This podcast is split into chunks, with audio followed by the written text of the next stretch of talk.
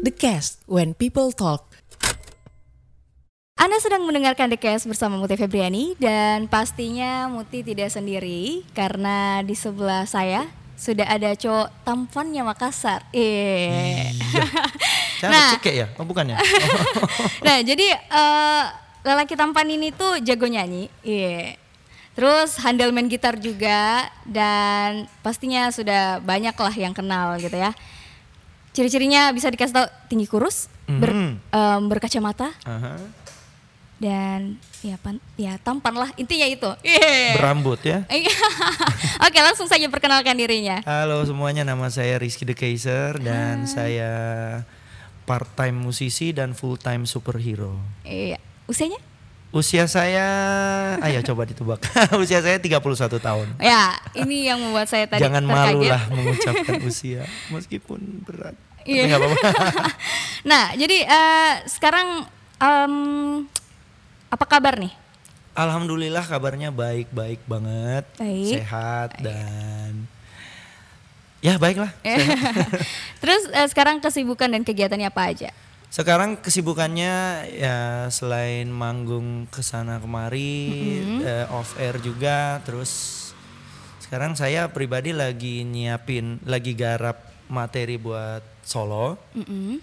yang sebenarnya eh, sempat tertunda hampir dua tahun karena kesibukan yang lain dan akhirnya eh, tahun ini eh, pertengahan tahun ini udah bisa mulai fokus lagi dan perlahan-lahan udah ngumpulin materi dan segala macam. Oke. Iya. Terus em, selain bermusik nih, mungkin punya usaha atau apa gitu? Eh sekarang sih masih memang sebenarnya sih masih full di musik ya, meskipun lagi lagi garap usaha juga, ada usaha. Apa ada- tuh? Lagi ada usaha sama temen.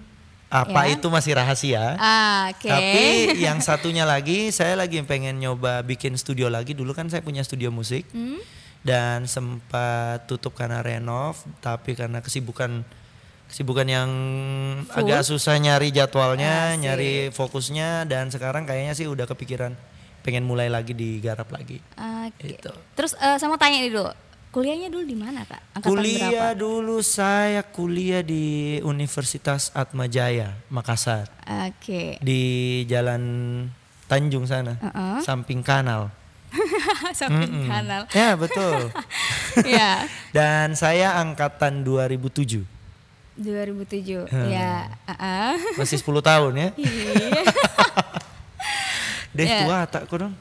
Terus Hmm. em, setelah kuliah itu apakah s- sebelum kuliah lah ya, emang udah bermusik kah? Ya sebenarnya sih dari kecil saya terlahir dari keluarga yang seneng sama musik. Mm, Bahkan bisa dibilang keluarga musisi. Papa saya, mama saya penyanyi. Oke. Eh, dulu sempat malang melintang di TVRI Oh. dan ya Iya, seperti uh-uh. itulah di era-eranya itu Iya, kan. ah-ah. Terus papa saya juga penyanyi dan pemain instrumen. Dia kebetulan bisa banyak main instrumen. Dia bisa main gitar, main keyboard, main drum dan bahkan dia jago main main dan membuat alat musik eh, tradisional namanya kolintang. Wah, luar Iya. biasa. Jadi tidak eh, apa buat tidak jatuh jauh dari, dari pohonnya. Iya. Jadi Betul, kalau di keluarga saya agak durhaka kalau saya nggak tahu main Iya, iya, main iya. musik itu. Udah dari Ah-ah. kecil sih ya. benar. Jadi emang udah hobi juga ya. Terus em, apa pernah ikut nggak kayak les-les gitu atau emang otodidak? Dari kecil eh, sebenarnya sih 50-50 ya. Saya bisa saya sebut diri saya 50% otodidak, 50% les.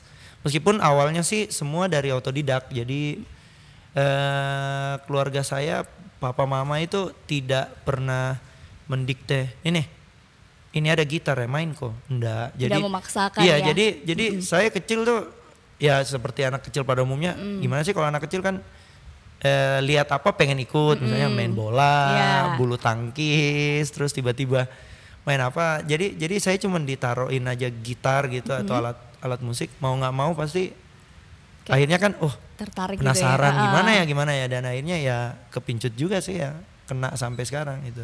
Jadi itu alasannya Iya, udah dari udah kecil dari kecil emang. dan emang keluarganya juga keluarga musisi jadi udah udah deket banget sama musik. Jadi sekitaran kayak umur SMP gitu, SMP Eh, SD. saya saya termasuk telat sebenarnya ketahuan kalau bisa punya punya punya apa ya punya bakat Punya di musik. Saya bisa bilang punya bakat di musik. Saya nanti ketahuan nanti umur kelas 1 SMP malah. Oke. Jadi eh, pas kelas 1 SMP itu baru diajakin di di dibawa ikut lomba nyanyi Iya. Antar sekolah terus baru berani ikutan les dulu awalnya Les les, ya. gitar Ah. ya kayak begitu jadi termasuk hitungannya sih sedikit terlambat tapi tidak ada kata Tidak ada kata terlambat dong. Iya. Tapi eh, sebenarnya saya juga ini kayak tertarik untuk main gitar tuh, tapi Hmm. Eh, saya biasa lihat tanganku, jariku ini Aha. eh, kayak ndak mampu untuk memetik-metik gitar. sebenarnya sih itu itu itu paradigma yang salah ya. Banyak orang bilang ih kalau ih tanganmu itu lentik panjang jarinya cocok main gitar. Enggak juga sih sebenarnya tidak ada hubungannya dengan fisik Messi aja pendek jadi pemain terbaik dunia Berarti gitu saya terlalu pesimis ya. Iya, betul. boleh lah nanti diajar sama. Ya. Oke. Iya boleh ya. Hmm, boleh. nah, buat, terus buat Rizky sendiri nih Iya. ah, suka aliran musik kayak gimana tuh? Aliran musik. kalau saya pribadi eh sebenarnya kalau kalau itu pertanyaan yang paling susah ditanya kalau ditanyain sama anak anak band. Iya. Karena anak band itu biasanya agak apa ya istilahnya? Agak idealis gitu. Jadi kalau ditanya begitu tuh pasti agak susah, Susah dijawab jawab. ya. Kalau saya pribadi sih sebenarnya kalau sus- suka secara general apa itu saya suka banget sama sama tiga jenis musik ya jazz, rock sama pop. Oke. Tapi kalau sekarang lagi suka-sukanya apa ya yang Indie? kayak ya indie, indie, indie pop mungkin atau beberapa bahkan lagi suka yang main lagi suka denger yang mainstream juga lagi gitu kan. Jadi sebenarnya tergantung eranya dan tergantung moodnya aja sih. Tapi kalau secara general saya suka banget sama jazz. Oke, kan ini kita eh, mengenalnya ini Rizky Dekezar ini tampil solo ya. Solo, Ah, ah. Ada bandnya juga kah? Saya terlahir dari band sebenarnya. Jadi awalnya itu saya ngeband dari awal kuliah itu band saya pertama kali namanya Bluey. Bluey. Mm-mm. Kamu belum tahu itu zaman dulu, nggak nggak zaman dulu juga sih maksudnya. Pada era itu tuh kita kita sampai tembus di album kompilasi satu apa ya satu radio terkenal di Indonesia dan sampai tampil di Java Jazz juga dan Asik. dan itu dan di situ saya masih main instrumen belum nyanyi. Belum nyanyi. Nah setelah Ah. dari situ sempat malang melintang gabung di beberapa band juga Hmm. sempat bantuin jadi session player juga main untuk ya kayak main weddingan ngiringin artis dan segala macam sempat bantuin Hmm. Artis. iya sempat Wah. ngiringin musisi-musisi yang datang ke Makassar Hmm. sempat bantuin juga dan akhirnya bikin band 2009 itu dari kompetisi namanya eh, dari kompetisi itu saya bikin band namanya The Finalists. The band itu. Finalists. Karena kenapa namanya The Finalists? Karena tiga personilnya itu Mm-mm. eh, adalah finalis, Finalis. sebuah kompetisi Ah, eh, pencarian bakat antar instrumen. Ada ada ada gitar, bass dan drum. Kebetulan saya yang juara bass, ada yang juara gitar, Gitar. Oh. ada yang juara drum. Dan kebetulan drummernya itu cewek. Drummernya cewek. Iya. Oke. Ya, waktu itu. Nanti saya pianika cewek. Oh, Oke. itu eh, bandnya masih ada sampai sekarang? Masih aktif kah? Sebenarnya sih kalau ada ada, cuman kalau aktif enggak lagi enggak aktif soalnya eh, beberapa eh, teman-teman personil yang lain lagi ada- kesibukan tersendiri dan lagi agak jauh-jauhan jaraknya.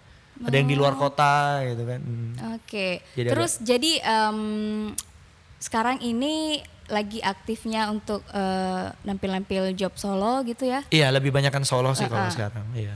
Terus Solo. em, pernah ada pengalaman misalnya kayak ikut-ikut ajang-ajang audisi kayak misalnya Indonesian Idol kah, The Voice Hmm. kah? Pernah tidak? Pernah sih kalau Indonesian Idol, tapi Pernah? jadi juri. Enggak, enggak, enggak. Enggak pernah, enggak pernah, enggak pernah. Tapi serius kalau Kirain. jadi juri pernah, tapi kalau untuk ikutan sih nggak tahu ya saya saya eh kalau eh, a- ajang-ajang yang di TV itu belum belum pernah sih sama sekali. Belum tertarik mungkin ya. Nggak nggak tahu juga sih belum saya saya sebenarnya pribadi tuh kurang kurang pede kalau mau menyebut diri saya penyanyi soalnya Jadi kalau ditanyain Ki kenapa nggak ikut Indonesian Idol, saya selalu bilang sebenarnya bukan kak penyanyi. Jadi- Basis ya. iya jadi jadi jadi saya saya agak agak kurang pede meskipun kadang teman-teman udah udah udah support gini, wah bagus kok gini. Tapi ya belum belum belum belum mau aja kali ya mungkin secara Oke. pribadi. Tapi kalau ikut kompetisi awalnya kalau bahas itu ya itu dari kompetisi yang tadi saya cerita itu. Ah, ah. Ya pernah ikut sekali dan akhirnya Bisa disebutkan aja nggak apa-apa? Oh ya namanya Yamaha Indonesia Music Competition Ah, ah, dan oke. itu kompetisinya tahun 2009. 10 tahun yang lalu, Iya, pemirsa. diperjelas guys. Oke, ah, ah, Jadi ya. 10 tahun lalu dan itu eh, saya sangat apa ya termasuk bersyukur dan kaget juga karena saya termasuk musisi yang besar dari kamar. Banyak bilang anak band itu kan pasti banyak bergaul, banyak temennya, tapi saya enggak, saya saya justru musisi yang besar dari kamar, kerjanya tuh cuma di kamar main musik, belajar main musik dan segala macam.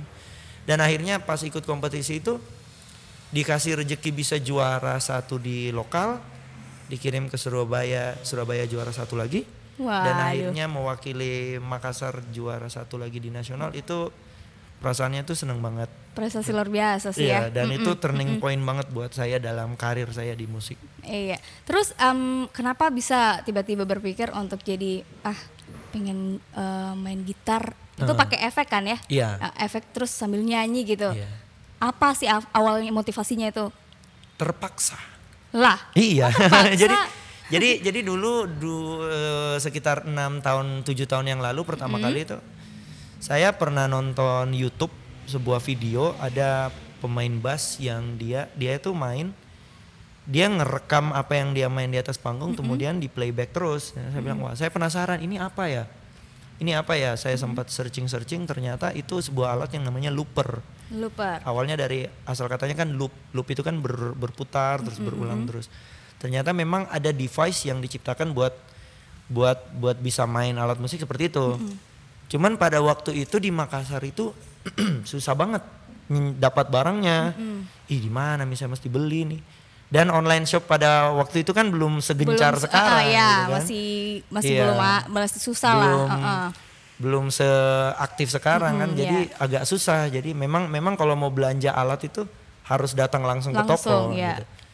tapi pada saat itu rezekinya di Mhm. ada salah satu toko musik di Makassar yang kebetulan saya akrab sama eh, ownernya datangkan barang itu Mhm. Bahkan saya sampai ngutang dulu loh Wah. jadi pas datang barangnya baru turun belum dibuka dosnya dia bilang, "Wih, ada ya barang ini berapa harganya?" Harganya waktu itu lumayan mahal dan saya bilang, "Waduh, belum ada duit." Dan ya udah bawa aja dulu itu lah. itu pada tahun berapa?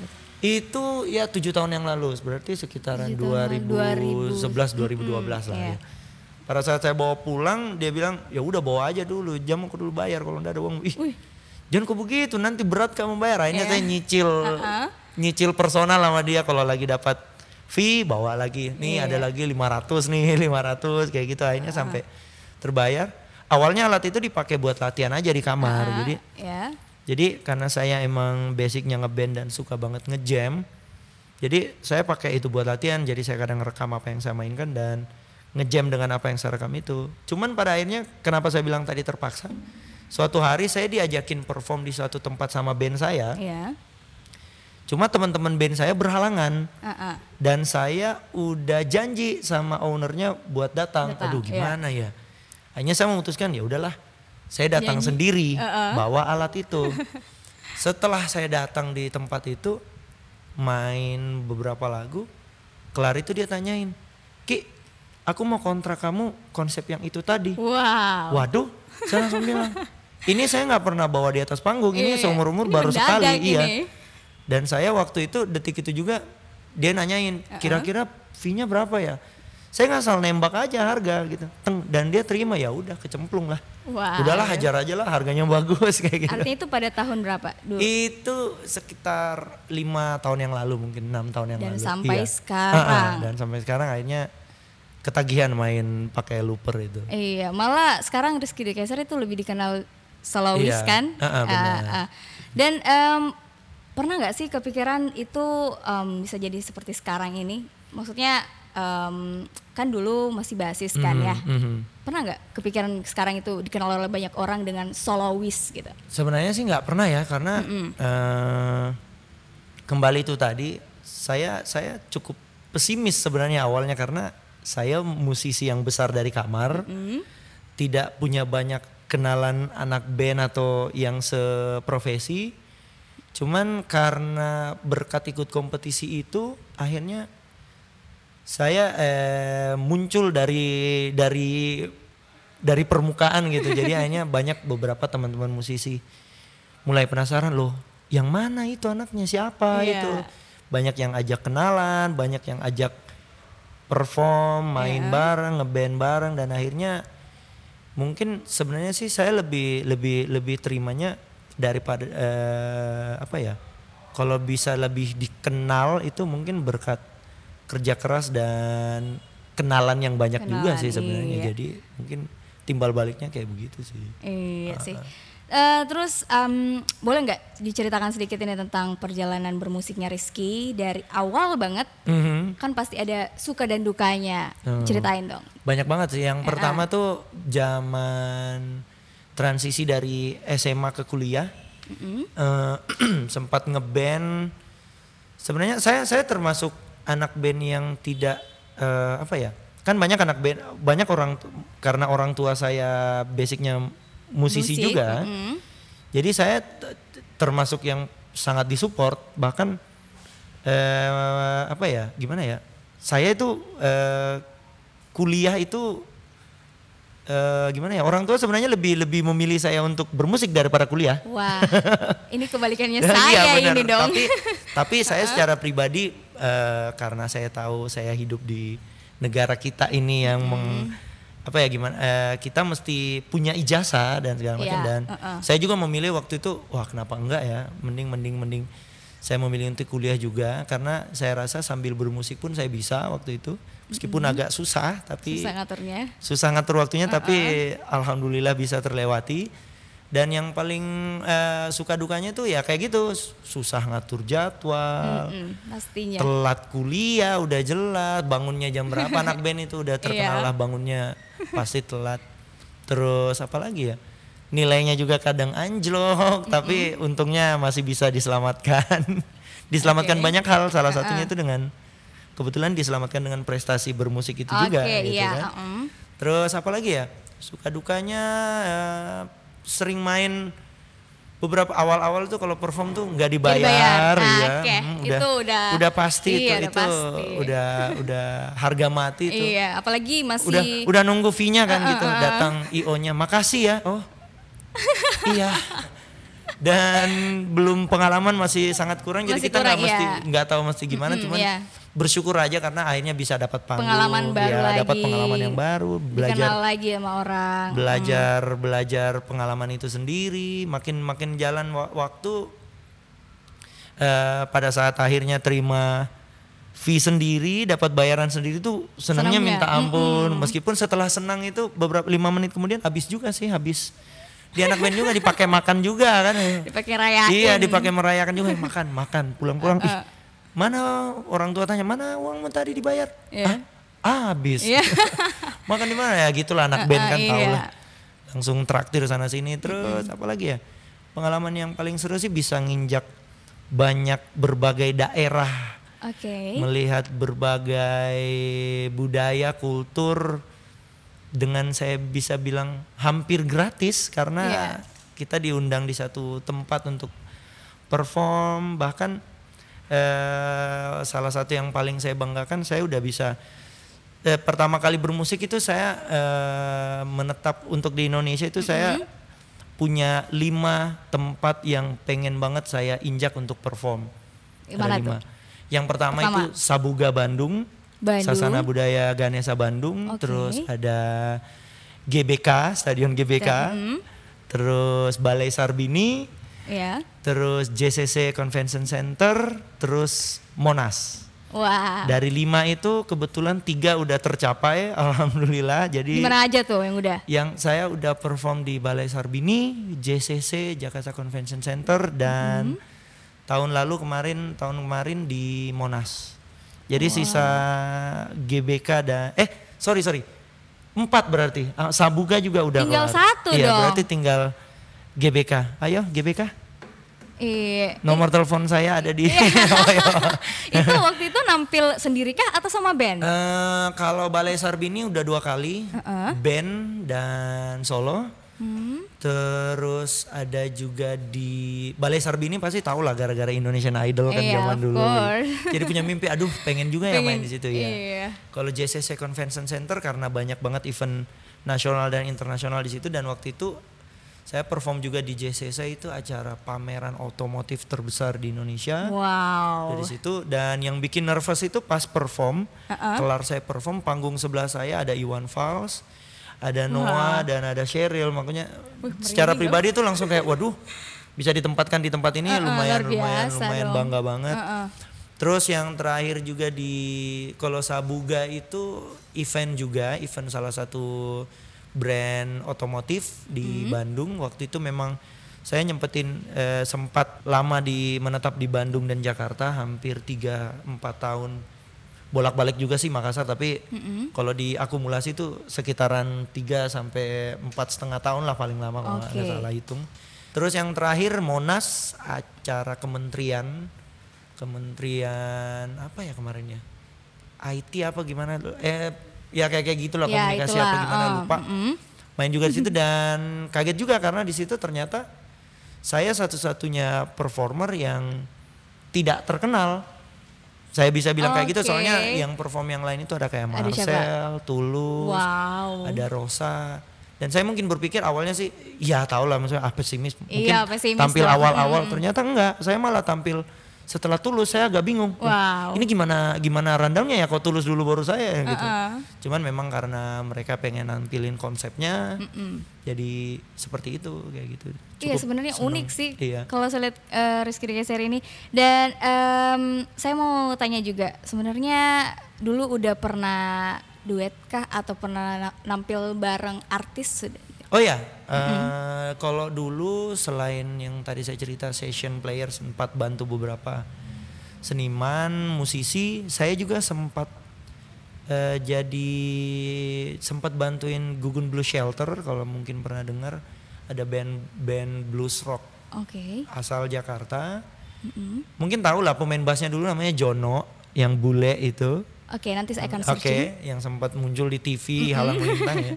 Jadi transisi pas Jono keluar dan pemain bassnya yang baru Fajar Adi Nugroho itu saya sempat bantuin gitu sampai beberapa waktu gitu, sempat main sama mereka. Luar Dan banyak biasa. pengalaman juga dari situ. Soalnya eh, Gugun dan Bowie, drummer dan gitarisnya tuh punya komunitas channel musisi yang tingkatnya tuh udah wah banget kayak Om Topati, Dewa Bujana. Jadi saya ngelihat ini wah ini ini peluang yang bagus banget buat melebarkan pertemanan Iya. musik saya kayak gitu. Jadi itu juga salah satunya. Terus apa ya pernah pernah ditawarin gabung juga di Funky Kopral bandnya Bondan Prakoso Oke. pas dia keluar. Jadi jadi itu itu cerita yang lumayan lucu juga karena di mobil saya sama kru dan tim dan beberapa teman lagi ngobrol-ngobrol. Wih, tahu ah, Bondan Prakoso lagi cari pemain bass. Iya, iya, oh ya iya. serius lagi audisi. Wih. Jadi kita sempat ngobrol-ngobrol ya cerita bodoh-bodoh. Wih serunya itu Ki kalau kau ikut deh. Iya deh gini soalnya kan kita tahu Bondan Prakoso termasuk pemain bass yang sangat ikonik juga Iya, buat di Indonesia. Nggak selang satu jam ditelepon sama manajemennya. Halo, Oke. ini ini saya dari saya lupa apa Green apa nama productionnya. Oh ya mas, kenapa? Kami manajemennya Bon- eh, kami manajemennya Funky Kopral. Saya langsung apa eh, refleks langsung di Speaker. broadcast eh di speaker. Uh-uh. Orang-orang pada ketawa teriak gitu. Cuman memang eh, waktu itu karena ada beberapa eh, keputusan manajemen saya juga yang akhirnya tidak memilih untuk ikutan Ikut audisi gabung. itu. Iya. Oke. Seperti itulah. Eh, terus eh, Rizky ini sebenarnya ngefans sama artis siapa? Ngefans. Ah, ah, ya. ngefans. Inspirasi ya mungkin. Iya. Kalau Indonesia itu saya sangat ngefans namanya Reza Artamevia. Eh, iya. Penyanyinya kalau penyanyi. Pertama itu. Ya pertama. pertama Iya. itu. Ah. Yang lagi hit sekarang itu tuh, izinkan aku challenge kan.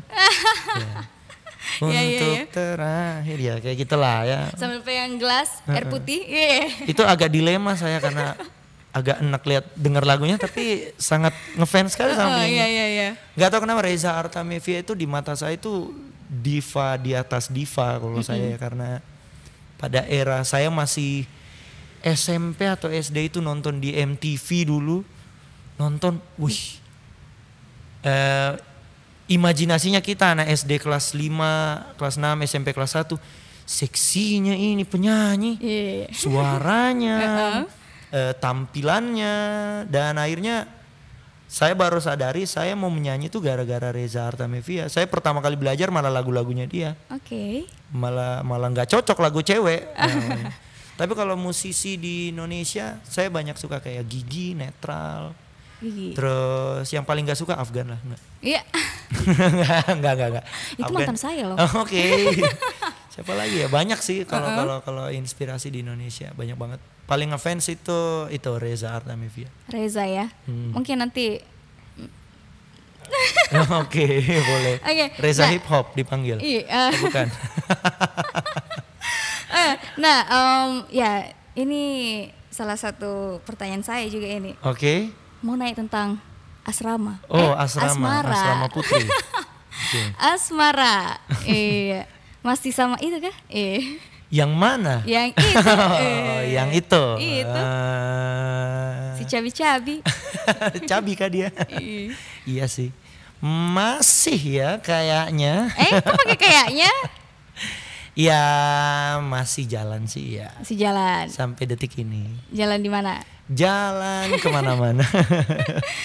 Oke, ya eh, kita lupain soal itu. Oke. Dan yang terakhir ini ya, Em, boleh dong Rizky ini bu eh, kasih motivasi ke pendengar gimana caranya untuk selalu semangat atau fokus ke tujuan gitu ya, atau Mhm. misalnya kayak ngejar cita-citanya gitu yang diimpikan. Kan gini, em, ada beberapa eh, orang yang Mhm. punya kayak cita-cita pengen banget jadi penyanyi, tapi biasa em, kan kalau Rizky ini dia didukung banget malah. Mhm. Terka- eh, banyak orang yang biasa ingin jadi penyanyi, em, jadi musisi apa pun itu, tetapi biasa orang tuanya itu kayak udahlah Hmm. pendidikan aja dulu. Aha. Heeh. Nah, bisa kasih motivasi nggak sih eh, eh, gimana caranya biar kita itu jangan menyerah dengan cita-cita kita itu? Gimana cara em, untuk mencapai tujuan itu sih? Oke, saya saya punya statement yang paling selalu saya pegang teguh itu ialah talenta itu nggak ada apa-apanya dibanding kerja keras. Jadi saya selalu merasa orang yang punya talenta besar tetap akan kalah dengan orang yang 100 kali, 200 kali lebih bekerja keras daripada orang yang punya talenta, talenta. itu. Jadi kadang kadang kadang saya saya kalau orang yang bilang, "Wih, Kak, tidak bagus suara aku." Menyanyi itu kalau kita ngomongin di musik menyanyi atau bermain instrumen itu sama aja kayak olahraga sih. Ala bisa karena biasa gitu. Dilatih terus Iya, ya. Mm-mm. tapi eh, kalau emang dia eh, yakin em- emang mau terjun ke situ, saya selalu diajarin sama orang tua saya, kalau kamu serius apa pun itu bisa jadi bisa jadi sukses, bisa jadi besar. Iya. Meskipun kamu jadi tukang parkir sekalipun kalau kau serius ya bisa jadi bisa jadi kaya kalau kalau emang emang kamu kreatif, kamu serius. Iya. Kayak gitu. Jadi kalau saya sih motivasi yang paling bisa saya kasih yang pertama kenali pribadinya dulu. Mm, Yang pertama tahu kelemahan diri sendiri ya. dan yang paling utama tahu kelebihannya dan fokus di situ. Terus yang kedua jangan pernah berhenti untuk belajar, jangan malu untuk belajar, bertanya, Bertanya pastinya. Mm-mm. dan jangan pernah gampang down untuk dikritik karena Iya. eh, mama saya itu termasuk eh, karena dia penyanyi, saya selalu bilang sama mama saya, ya tau lah kalau mama mama tuh, Iya. mak jangan ki puji kak karena saya anak tak. Ya. Jadi kalau saya jelek, bilang, Bilang jelek. jelek. Dia bilang, eh tadi menyanyimu berlebihan, tadi begini, salah gini.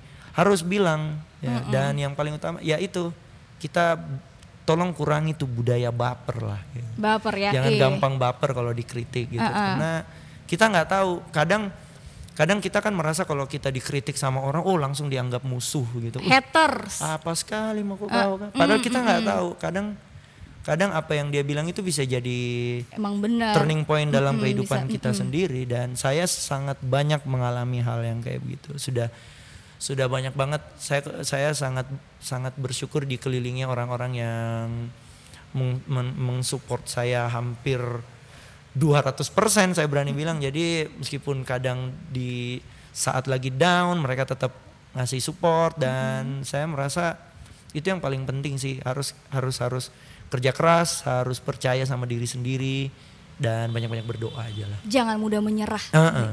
Oke. kayak lagu gitu. Iya iya iya. Coba ada gitar bisa lah.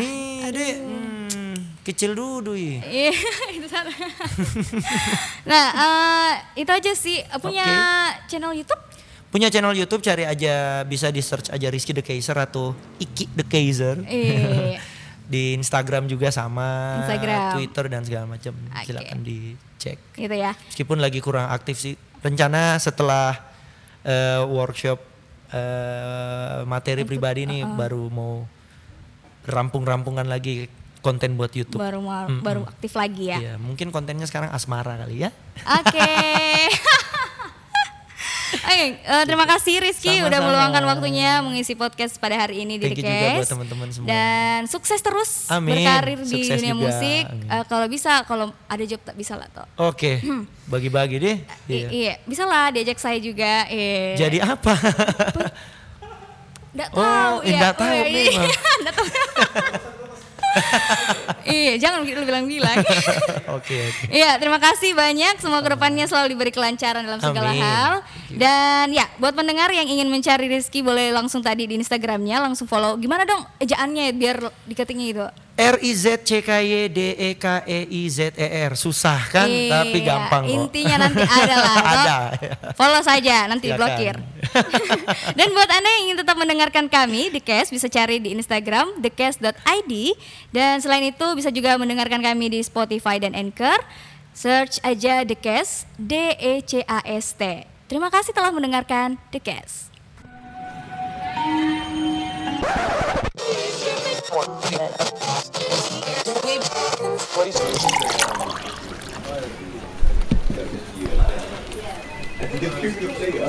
Saya Mutia Febriani, Anda sedang mendengarkan The Cast.